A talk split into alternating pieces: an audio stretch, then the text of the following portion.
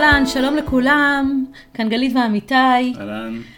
את הפרק הזה היום אנחנו מקדישים כדי לענות על השאלה למה בעצם הנושא הזה של חינוך הוא נושא שהוא כל כך מאתגר בפרק ב'. הנושא שבגללו זוגות לא מצליחים להיות ביחד. לא מצליחים לבנות את החיים שלהם נפרדים, בגלל שיש איזה מין אה, מאבק או איזה מלחמה על, על הדרך לחנך, על הדרך לשים גבולות. זה נושא מאוד מרכזי אצל זוגות בפרק ב'. עכשיו, אנחנו שואלים את השאלה הזאת, כי לכאורה המצב אה, יכול היה להיות הפוך. אפשר לבוא ולהגיד, אה, עברנו כל אחד את מה שהוא עבר בחיים, אנחנו כבר אנשים קצת יותר מבוגרים, למדנו על החיים, אנחנו ככה מחברים את החיים שלנו, מחברים משפחות, אה, במקרה שעוברים לגור ביחד, עוברים לגור ביחד, ולכאורה זה לא אמור להיות מאוד מסובך, כי לי יש את ההורות שלי ולך יש את ההורות שלך, אנחנו שנינו מבינים ש... אה, יש איזשהו, בזוגיות אנחנו רוצים גם לתת מקום אחד לשני, וזה אמור להיות משהו שאמור לזרום, אני, אתה תחנך את הילדים שלך, אני אחנך את הילדים שלי, מין, אה, כל אחד יביא את המשאבים שלו, את היכולות שלו, את ההבנות שלו. אני אגיד את זה בצורה הרבה יותר פשוטה. זה נהיה נורא מסובך פתאום. זה היה אמור להיות מאוד קל. יש לנו ניסיון כהורים, יש לנו ניסיון נכון, כבני זוג, נכון. אנחנו כבר יודעים כל מה שצריך לדעת, ולכאורה זה היה אמור להיות מאוד קל. כל מה שהיה צריך לקרות זה שהיינו מביאים לידי ביטוי את הניסיון שלנו. ואיכשהו, למרות הניסיון, למרות השיעורים שלמדנו, למרות כל הידע שאנחנו מביאים פנימה, גם בזוגיות וגם בהורות, איכשהו זה הופך להיות הבעיה המרכזית. יותר מזה, אנחנו גם מגיעים לזוגיות הזאת, אחרי שעברנו כבר עם עצמנו כל מיני תהליכי התפתחות ומודעות, אנחנו כבר לא צעירים שיש פעם. אנחנו יכולים להסתכל על הדברים בפרספקטיבה יותר רחבה, יש לנו יכולות מנטליות לצורך העניין, יותר גבוהות ממה שהיה לנו לפני עשר או עשרים שנה. ועדיין, נכון. זה נהיה הנושא שעליו אנחנו מתפוצצים עוד פעם ועוד פעם ועוד פעם, ובסופו של דבר, לא נשארים ביחד. וכשמשהו לא ברור כל כך, וכל כך לא הגיוני, זה בדרך כלל סימן שיש משהו אה, במבנה העומק של השאלה, שלא עלה על פני השטח לדיון. או משהו, אפשר לפעמים קוראים לזה משהו לא אקולוגי בסיפור הזה, אבל בגדול יש משהו יותר עמוק מרק הכן חינוך, לא חינוך, שמנהל אותנו, כי אחרת היינו פותרים את זה. זאת אומרת שאם השיחה הייתה רק אוקיי? על אמ, בוא אני אגיד, פה צריך לשים גבולות, פה לא צריך לשים גבולות. אתה מחנך נכון, אתה לא מחנך נכון. אם זה היה באמת שיחה פר אקסלנס, בסדר, על איזשהו חינוך. מקצועית כאילו. מקצועית. אז יכול להיות שזה היה נראה אחרת. הבא. העניין הוא שמה שאנחנו ככה הולכים להיכנס אליו פה בפרק הזה, שהנושא האמיתי, לא באמת החינוך, אוקיי? זאת אומרת, זה רק על פני השטח. מתחת לפני השטח, יש פה שיחה אחרת. והשיחה האחרת היא על הנושא שהכי חשוב לבני אדם כנראה בעולם הזה, או אחד החשובים, וזה הנושא שנקרא שייכות. ו- וזה בעצם מה שעומד מתחת לכל האירוע הזה שקוראים לו חינוך. אז בואו נדבר כמה מילים על שייכות, מה זה בכלל שייכות ולמה זה באמת משהו שהוא כל כך בוער בנשמתנו, עד כדי כך שאנחנו הופכים את החינוך, את השיחה סביב נושא חינוך לאיזשהו סימפטום לדבר האמיתי יותר שיושב שם. צורך של שנינו, שלי ושלך, להרגיש שייכות. כן, אפשר לקרוא לזה שייכות, אפשר לקרוא לזה המשמעות שלי בתוך המשפחה, או בתוך ההורות הזאת, או המקום שלי. כן, אני חושב שבעצם בסוף יש פה קונפליקט אה, בין שני צדדים. הצד האחד שלי, כבן זוג שגדלים ילדים אה, שהם לא שלו בבית, שבו אה, אני מרגיש שהמקום שלי לא ברור, כי אני לא תמיד יכול לקבוע גבולות וחוקים ולחנך, לא תמיד מותר לי להתערב, לא תמיד הם מקשיבים לי, לא תמיד אני מצליח לידי, להביא לידי ביטוי את כל מה שאני יודע להביא לידי ביטוי כהורה מול הילדים שלי. מכל מיני סיבות, הילדים מתנגדים, את, את מתנגדת, לא משנה מה. אבל התחושה הזאת שהמקום שלי כהורה, משהו שם לא ברור, ואז אין, זה השייכות הזאת. אז לא ברור מה המקום שלי במשפחה לא או בבית. אני לא מרגיש שייך בגלל שאני לא כן. יכול להביא לידי אה, ביטוי את ההורות כן, שלי. כן, קוראים לזה ללכת על ביצים, אה, לא סופרים אותי, אין לי say בבית, כל מיני, זה המילים שאנחנו שומעים.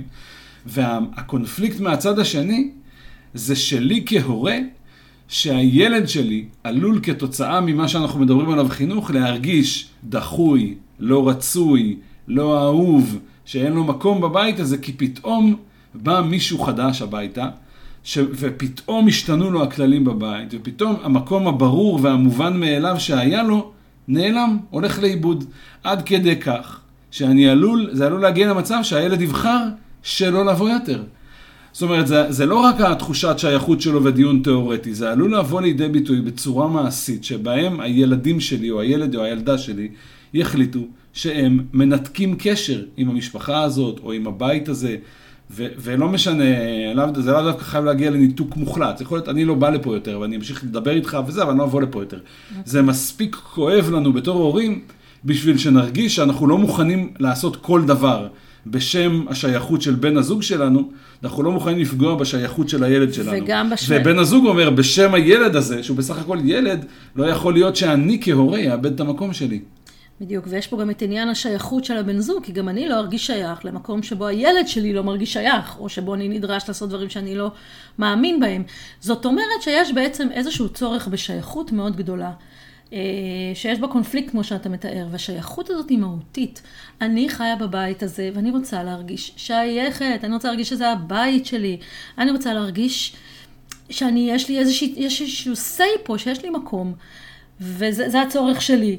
אתה, אתה בא ואומר, אוקיי, גם לילדים שלי יש צורך להרגיש שייכים, להרגיש שיש להם מקום פה, להרגיש שזה הבית שלהם, וגם אני רוצה להרגיש שייך. נכון. זאת אומרת, כולנו רוצים להרגיש שייכות. ואנחנו הופכים, שזה בסדר, אוקיי? זה בסדר, ותכף נגיד גם עוד כמה מילים על המהות, אפילו עוד קצת יותר עמוקה על שייכות. אבל אנחנו רגע רוצים להבין את הצורך הזה של כל דיירי הבית. המלכודת היא וזה מה שאנחנו שמים פה, זה שהדרך שלנו להשיג שייכות, אנחנו הופכים את החינוך לכלי לדרך להשיג שייכות. אז אנחנו אומרים, אם יהיה חוקים שבהם הילד שלך יעשה את מה שחשוב, מה שהסכמנו, את מה שחשוב לי, או אם אתה תדבר איתו והוא ייתן לי כבוד, והוא אה, יקשיב לי, והוא יכבד אותי, אז, ותהיה משמעת, אז אני ארגיש שייכות. וזאת ופה אנחנו רוצים רגע לשים סימן כן. שאלה. עכשיו, אני רוצה לשים סימן שאלה, ומצד שני אני רוצה להגיד כן, כי, כי בטח זה עולה אצל כל מיני אנשים שהתעסקו בחייהם בחינוך. בסוף דר, אה, גבולות ודרישות ותפקידים ולתת, לדרוש מהילדים שלנו להיות חלק מהבית, כולל חלק מהמטלות ולשים להם גבולות, זה דבר שמייצר שייכות. אוקיי. Okay. זאת אומרת, יש פה משהו מובנה בעניין שבסוף, אחד הדברים שלנו כהורים, לייצר שייכות לילדים שלנו, זה לדרוש מהם, זה לתת להם מקום, לתת להם מטלות, לתת להם תפקידים, לשים להם גבולות, כי במקום, אחד הדברים הברורים, שאני חושב ש, שקל להבין אותם, זה שאיפה שאני לא נדרש, אני לא יכול להיות שייך. Okay. אוקיי. אם, לא, אם אין שום דרישה ממני במקום הזה, אם אני לא חשוב לאף אחד, אם אין לי שום משמעות כילד בתוך המשפחה הזאת, אז אני לא יכול להרגיש שם שייך. מתי אני מרגיש שייך? שאני יודע שיש לי תפקיד, שמצפים ממני, שדורשים ממני, שאני חלק מהקבוצה של, של האנשים שתורמים ומועילים ועוזרים. אז, אז יש משהו בשיחה על חינוך של, שקשור לשייכות. אבל לא בדיוק בדרך שבה אנחנו מדברים אני, עליו. אז אני, אני מסכימה למה שאתה אומר, אבל פה בדיוק יש עוד רובד. זה דווקא יכול להיות משהו שהוא מאוד uh, tricky בפרק ב'. למה? כי אם, אנחנו, אם אני יכולה לבוא ולהגיד לך, כן, חינוך, זה חשוב שתשים גבולות לילדים שלך, כי גבולות מייצרים שייכות. אתה רוצה שילדים יהיו שייכים בבית, תשים גבולות, הם צריכים להרגיש חלק מזה. כן, אנחנו יודעים את זה. מה שנקרא, אדלר אמר את זה הרבה לפנינו. אבל, ופה הבעיה, זה שכדי שאני ארגיש שייכות הביתה, אני לא יכולה להסתתר מאחורי הדבר הזה, אוקיי? שאם הם יעמדו בחוקים, אז גם אני ארגיש שייכות. אני רוצה רגע להרחיב את השיחה, למה אני מתכוונת. אני חושבת שזה בריחה הדבר הזה. כי כמו שאתה, בני אדם, מה זה אומר שייכות? בני אדם צריכים להרגיש משמעותיים בתוך המסגרת שבה הם נמצאים. אני כאימא, משלבת תקרא לזה, מישהי שחיה עם ילדים שהם לא שלי, רוצה להרגיש משמעותית בתוך הבית. אני רוצה להרגיש שאני משמעותית, שיש לי ערך, שאני משמעותית, שמקשיבים לי, שמעריכים את דעתי שאני משמעותית בחיי האנשים שגרים בבית. עכשיו, זה נורא קל לי, כי אני מרגישה משמעותית בחיי הילדים שלי. שם יש לי ביטחון, אני משמעותית, עזוב, יותר, פחות, תקופות, רבים וכולי. יש איזה מין, אני יודעת שאני שייכת אליהם, אני שייכת למסגרת המשפחתית שלי ושל ילדיי, כי אני משמעותית, יש לי ערך. ואז אני מגיעה לפרק ב', ולא מרגישה משמעותית בחיי הילדים שלך. בסדר? זה לא מובן מאליו בכלל, אוקיי? וכדי לייצר את המשמעות הזו, את הערך הזה, אני אומרת, בואו, אם הם יעמדו בגבולות ובחוקים, זה יעשה להם תחושה טובה וייתן גם לי תחושה שרואים אותי, שיש מקום בבית. ואני אומרת, האם זה באמת ככה? או אם הם יכבדו אותי, אם הם יתנהגו עליי יפה, אם הם לא יתעלמו מקיומי, אם הם לא ישבו לידי בשולחן ולא ידברו איתי, אם הם יעשו משהו ש... זה יגרום ש... לי להרגיש כן. שאני משמעותית בחיים. ואני אומרת, לא בהכרח. לא בהכרח, ופה אנחנו צריכים להיות כנים עם עצמנו. כי אם הילדים, יופי, רק יעמדו בחוקים, רק יעמדו בחוקים, וישימו את הכלים במקום, ואת הנעליים במקום וכולי, האם זה באמת ייצר לי תחושה שרואים אותי בבית, שיש לי מקום, שיש לי שייכות? אני לא בטוחה. אולי שייכות אמיתית, כזאת שאני באמת רוצה. אני, אני, אני רוצה אותה, אני חושבת שכולנו רוצים את זה בסופו של דבר. לא כיף להסתובב בבית ולדעת שאתה לא משמעותי בשביל מישהו, או שלא סופרים אותך. אז אני חושבת שהמשמעות שה, היא שאני באמת רוצה שאני אהיה משמעותית אליהם, וזה לא עובר בהכרח דרך חוקים. וחינוך. זה עובר דרך זה שאני הצלחתי. לייצר איתם מערכת יחסים שהיא לא קשורה לחוקים ולגבולות ולחינוך, היא לא קשורה.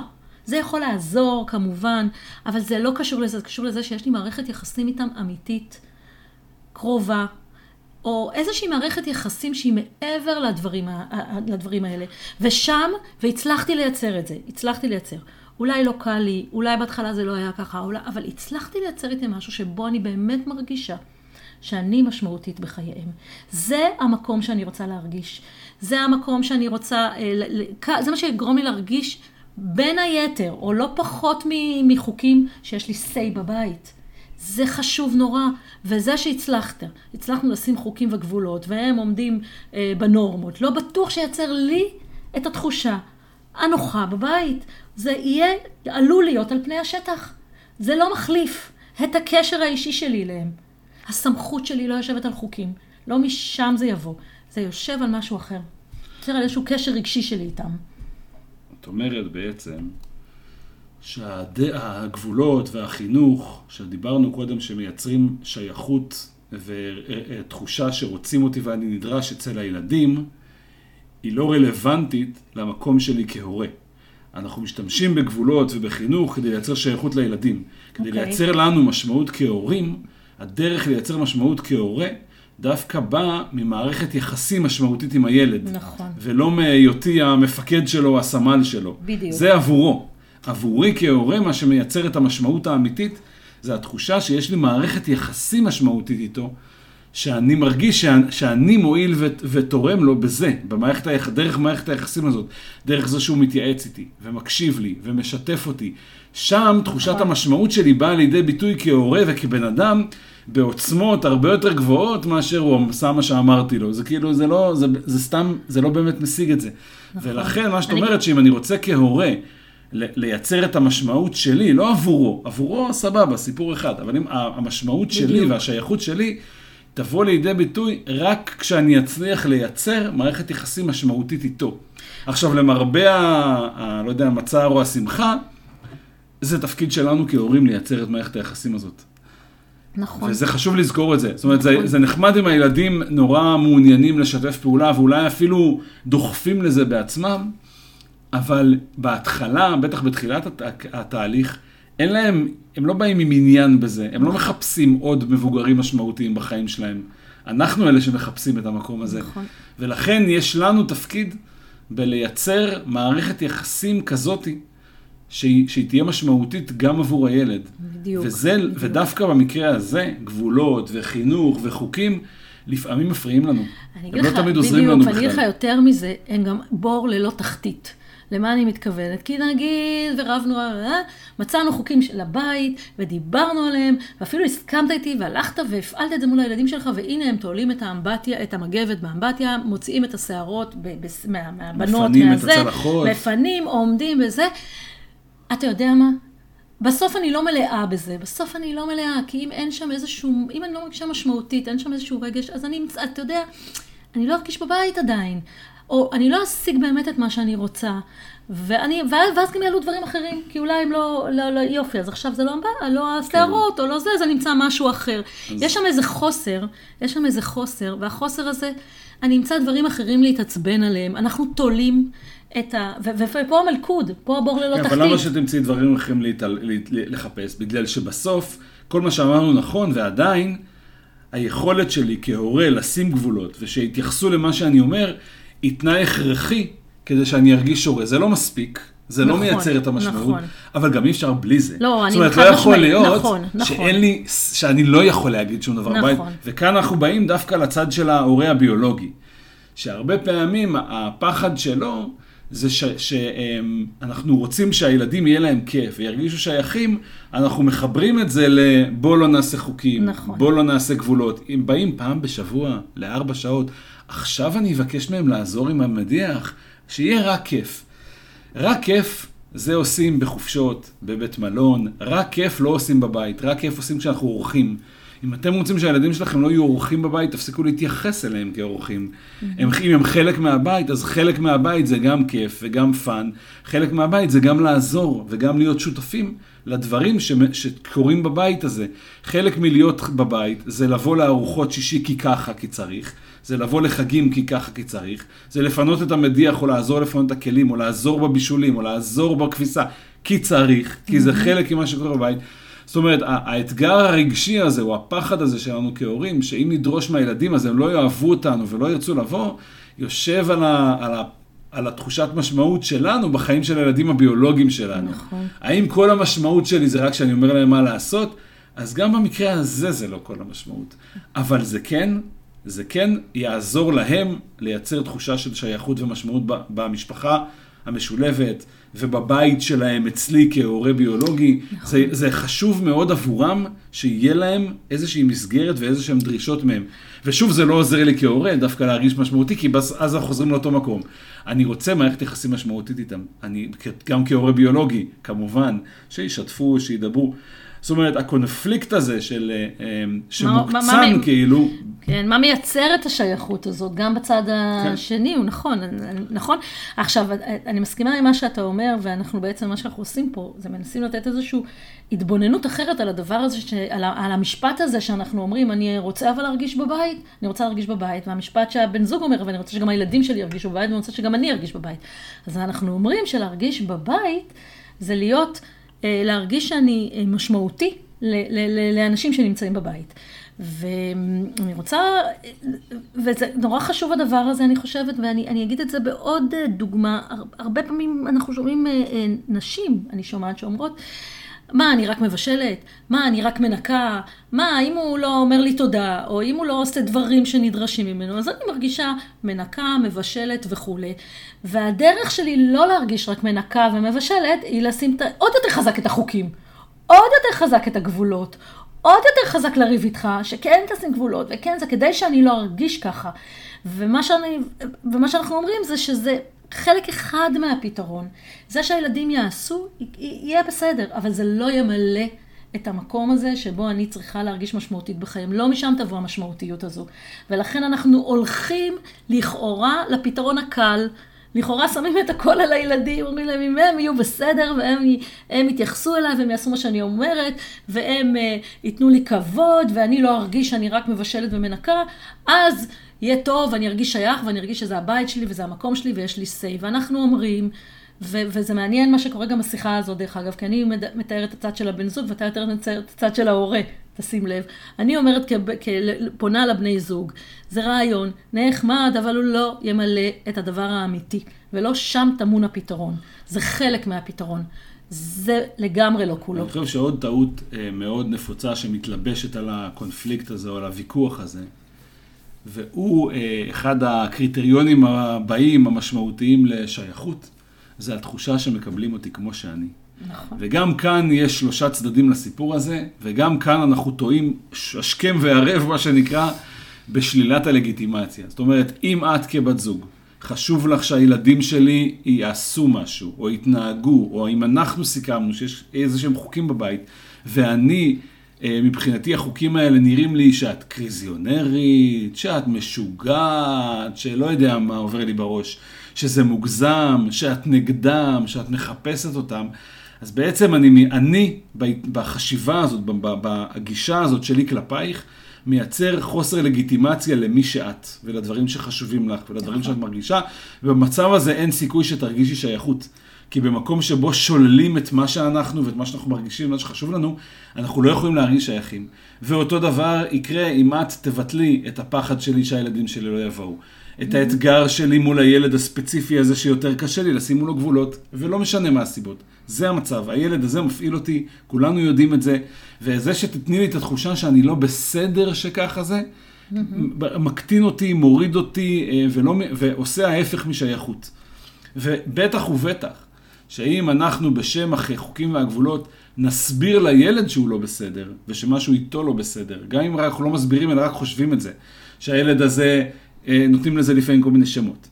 הוא אה, לא מקבל, הוא מתנגד, הוא יש לו ADHD, הוא יש לו אה, אימפולסיבי, הוא לא יודע מה, הוא צריך ככה, הוא צר... נותנים, מקטלגים אותו בכל מיני קטלוגים וקטגוריות, שכל מהותם זה להגיד שמשהו איתו לא בסדר.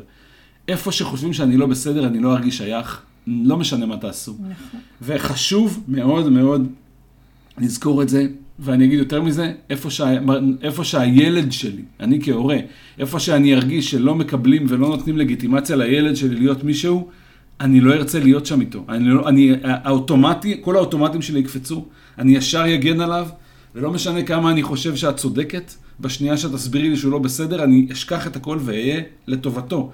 זה איזה אינסטינקט הורי כזה, שמפריע לנו בשיחה על חינוך, okay. ומפריע לנו מלדבר על הנושא האמיתי הזה של שייכות, כי הוא אוטומטית מקפיץ התנגדויות. נכון. אז בסוף צריך לזכור שהמרכיב הנוסף החשוב לכל מה שאמרנו, זה שכל מה שכולנו מרגישים הוא לגיטימי, הוא בסדר, ואין פה אף אחד שמשהו איתו לא בסדר, או אין פה שום דבר מקולקל בסיטואציה.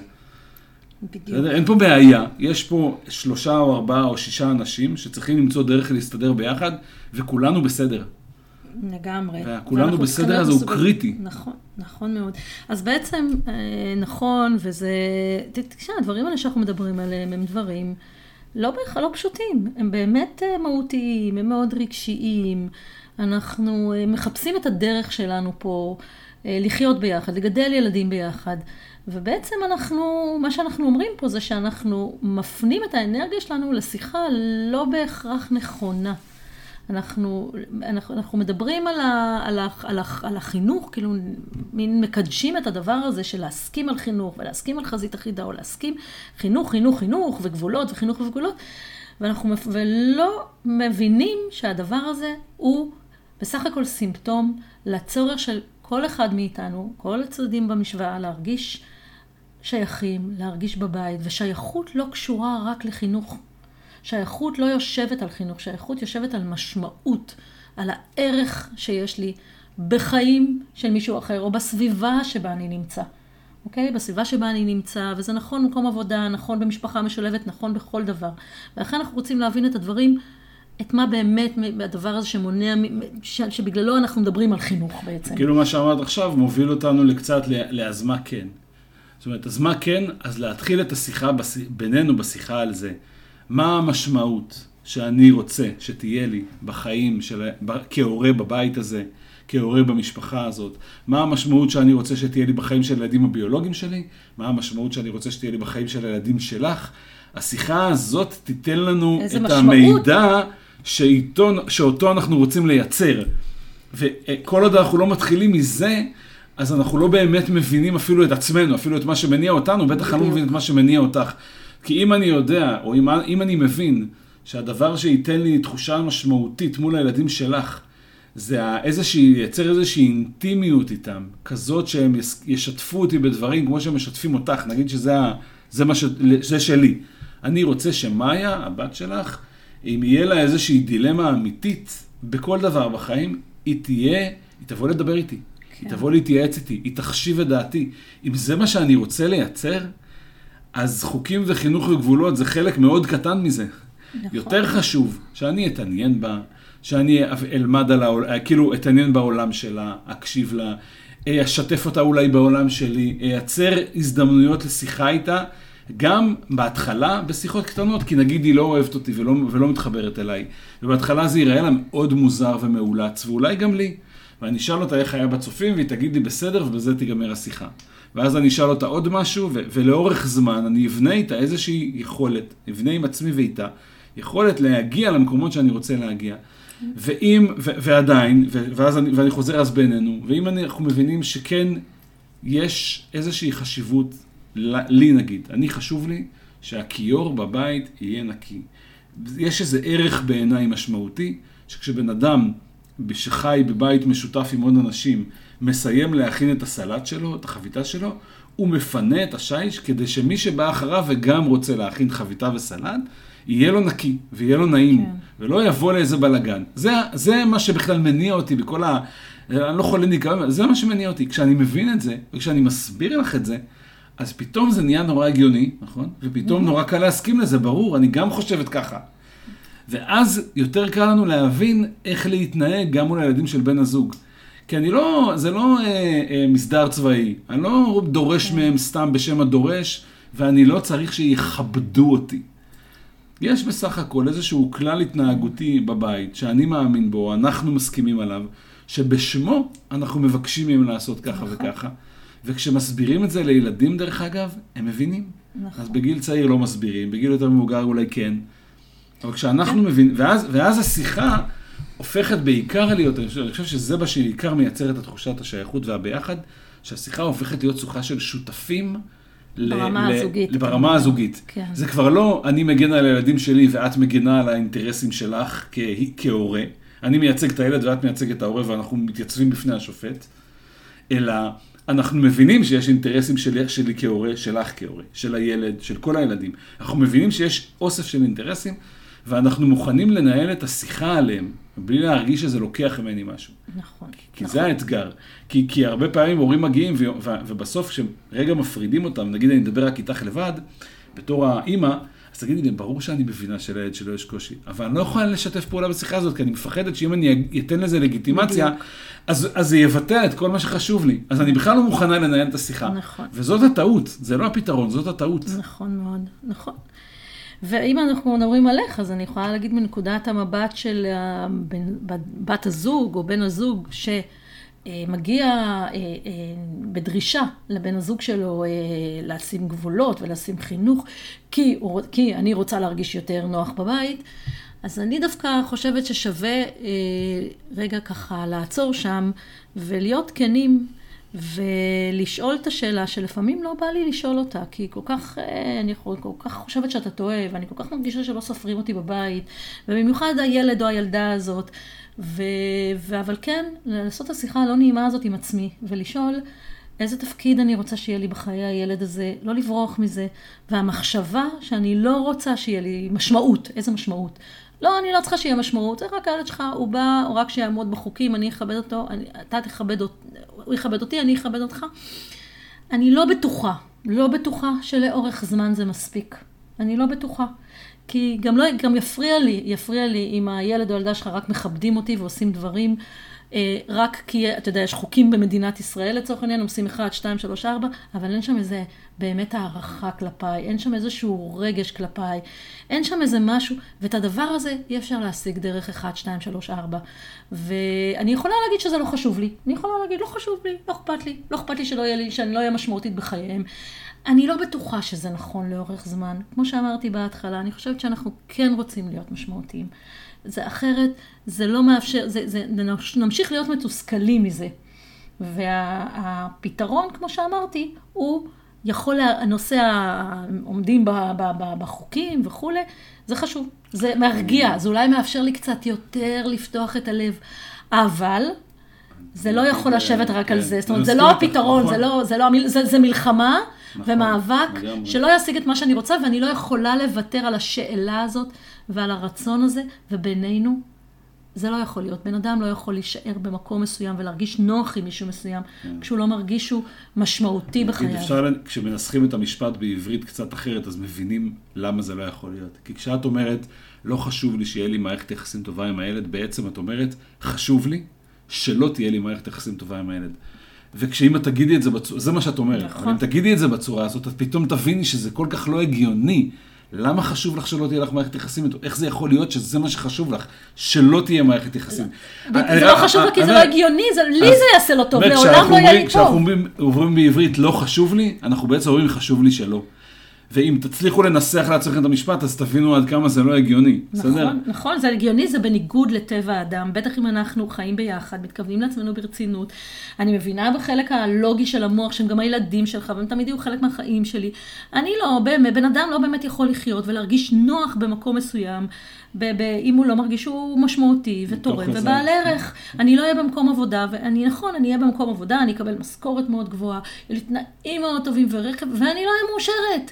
אם אני לא ארגיש ש- ש- שמעריכים אותי, ש- שיש לי משמעות בחיים של מישהו, וההערכה הזאת לא בהכרח מושגת על ידי זה שאני אשליט את הדרך החינוך שלי, על ידי זה שאני אגיד לך שאתה לא מחנך טוב, על ידי זה שאני אלך ואשכנע אותך שאתה צריך לחנך יותר טוב. אני לא יכולה להשיג את זה בכוח. זה לא מושג בכוח בחיים. זאת אומרת, גם בעבודה, אם אני מנהל של חברה, זה שכל העובדים יעשו מה שאני אומר, לא ייתן לי תחושה טובה שהחברה נכון. הזאת, אני באמת מרגיש בה נוח וזה. כי יש משהו בין בני אדם, שחשוב שהוא ייווצר ויהיה כדי שאנחנו נרגיש שייכים לבני האדם האלה. נכון. בסוף המשפחה הזאת מורכבת מאוסף של בני אדם, ותחושת השייכות למשפחה מורכבת מתחושת שייכות לכל אחד מבני האדם האלה. נכון. ואם נכון. יש שם נכון. כאלה שאני לא מרגיש אליהם את השייכות או את הקרבה הזאת, זה במוקדם או במאוחר יפריע. נכון. אני רק אגיד שאנחנו לא עכשיו, אה, זה לא אומר עכשיו ש... וואי, אז בואו נשחרר את הכל בענייני חינוך, ומעכשיו אני רק צריכה ל... ל... ל... ל... לאהוב ולהשקיע את כל האנרגיה שלי רק לייצר מערכות יחסים טובות עם הילדים של בני הזוג. אנחנו רק צריכים להיות במודעות לדבר הזה, לעשות צעדים, להיות בהתפתחות אישית בהקשר הזה, להבין שזה לא זה, לא זה רק אה, נסכים בינינו על חינוך זה יפתור את העניין, אלא להיות, אה, להבין שזה קצת, זה, זה מעבר לזה, כדי שאני באמת מרגיש בעלת משמעות ושייכת, הדוגמה של מקום עבודה זה מצוין, אני צריכה לעשות צעדים קטנים. באינטרוולים קטנים. אני לא יכולה לעשות דברים שיפחידו אותי מדי. כדי לייצר עוד משהו, שהוא מעבר רק אם העובדים או כל בני הבית יעמדו בחוקים והכללים ויכבדו אותי. זה לא מה שייתן לי את ההרגשה הטובה. אז אני לוקחת אחריות ואני עושה צעדים קטנים. וכל אחד יש לו את הצעדים שלו. ויכול להיות שהצעדים האלה, דרך אגב, זה לטפל גם בי קצת בביטחון העצמי שלי, באמונות המקבילות שלי, בתחושת ערך שלי בפני עצמי. אגב. וחלק מהצעדים זה להיות מסוגלים לנהל שיחה זוגית. על הדבר הזה, על הדבר נכון, הזה, נכון. בלי לשלול את, ה, את הצד נכון. האחר בשיחה. כאילו בסוף מה שאמרנו פה בעצם, זה שכל ה, ה, השיחה על החינוך והגבולות והקושי הזה, לא קשור באמת לחינוך וגבולות, הוא קשור לאיזושהי תחושת ערך או משמעות או שייכות, או המקום שלי קראנו לזה, שאנחנו רוצים נכון. שיהיה לנו במשפחה הזאת, ושאנחנו רוצים שיהיה לילדים שלנו במשפחה נכון. הזאת. והקונפליקט הזה בין המקום שלי כהורה לבין המקום שלהם כילדים, הקונפליקט הזה בפרק ב' הוא מה שמקבל את העוצמה. ואני אגיד עוד משהו, הוא הרבה פעמים מקבל את העוצמה בפרק ב' בגלל שזה לא סימטרי. יש צד אחד שיש לו ילד, שיש לו קושי מול בן, בין, ילד או ילדים מול בן הזוג. וזה לא הפוך. נגיד אם לך יש קושי עם אחד הילדים שלי, אז לי אין קושי עם הילדים שלך. וחוסר הסימטריה הזה מקשה על השיחה, כי אנחנו לא כל כך מבינים אחד את המקום של השני, וגם לפעמים נדמה לנו שהנה, אם לי אין, אז מה הבעיה? אז סימן שאפשר, ואת היית יכולה לעשות את זה אחרת, שגם לך לא יהיה. או הפוך, אם הילדים שלי לא כאלה, סימן שגם אתה היית יכול שהילדים שלך לא יהיו כאלה. וכל המחשבות האלה רק תוקעות אותנו במקום ולא מקדמות. ההבנה שזה לא סימטרי, וההבנה שהשיחה היא לא קשורה לחינוך, אלא היא קשורה למקום שלי, בבית, במשפחה, כהורה או כילד או כאבא, היא, היא המפתח להתחיל ולהבין את העומק של, ה, של מה שאנחנו מדברים, ומשם גם מגיע הפתרון. כי נכון. מזה אנחנו רוצים להתחיל את השיחה. מה המקום שאנחנו רוצים שיהיה לנו, מה התפקיד שלנו, מה המשמעות שלנו, גם כהורים שמנהלים בית בהקשר של חינוך וגבולות, וגם כהורים איזה מערכת יחסים אנחנו רוצים עם הילדים. אני חושבת שאמרת פה את הדבר האחרון, ו... וככה בזה נסיים, זה שאנחנו, אה, כדי באמת להיות אה, ביחד בזוגיות הזאת, לבנות בית, משפחה, לא לבוא לנסות, אלא להיות ביחד, כמו שאתה ואני תמיד אומרים, בחמישים שנה הקרובות, להצליח בזה, להיות באותם 30 אחוז זוגות בפרק ב' שכן מצליחים ונשארים ביחד ומאושרים ובונים משפחה משולבת. אנחנו צריכים כל הזמן להיות בתהליך שבו אנחנו אה, מרחיבים את המודעות שלנו או את החשיבה שלנו. ו- ומסוגלים להסתכל על זה מאוד כיוונים, מאוד נקודות מבט, לחשוב באמת מה הדבר שחשוב פה, למה באמת אנחנו מתעסקים על חינוך, מה הפחד, מה התחוש, מה, מה, מה זה. התחושה הזאת שחשוב לי לייצר. כלומר, זה מה שאנחנו עשינו בשיחה הזאת, וזה מה שאנחנו עושים עם זוגות ובני זוג שמגיעים אלינו בסדנאות שלנו, בקורסים, בתוכניות ליווי, בקליניקה. אנחנו עוזרים לזוגות להרחיב את ההתבוננות על הדבר הזה, אה, שנקרא אה, אה, הקונפליקטים שלנו בפרק ב'.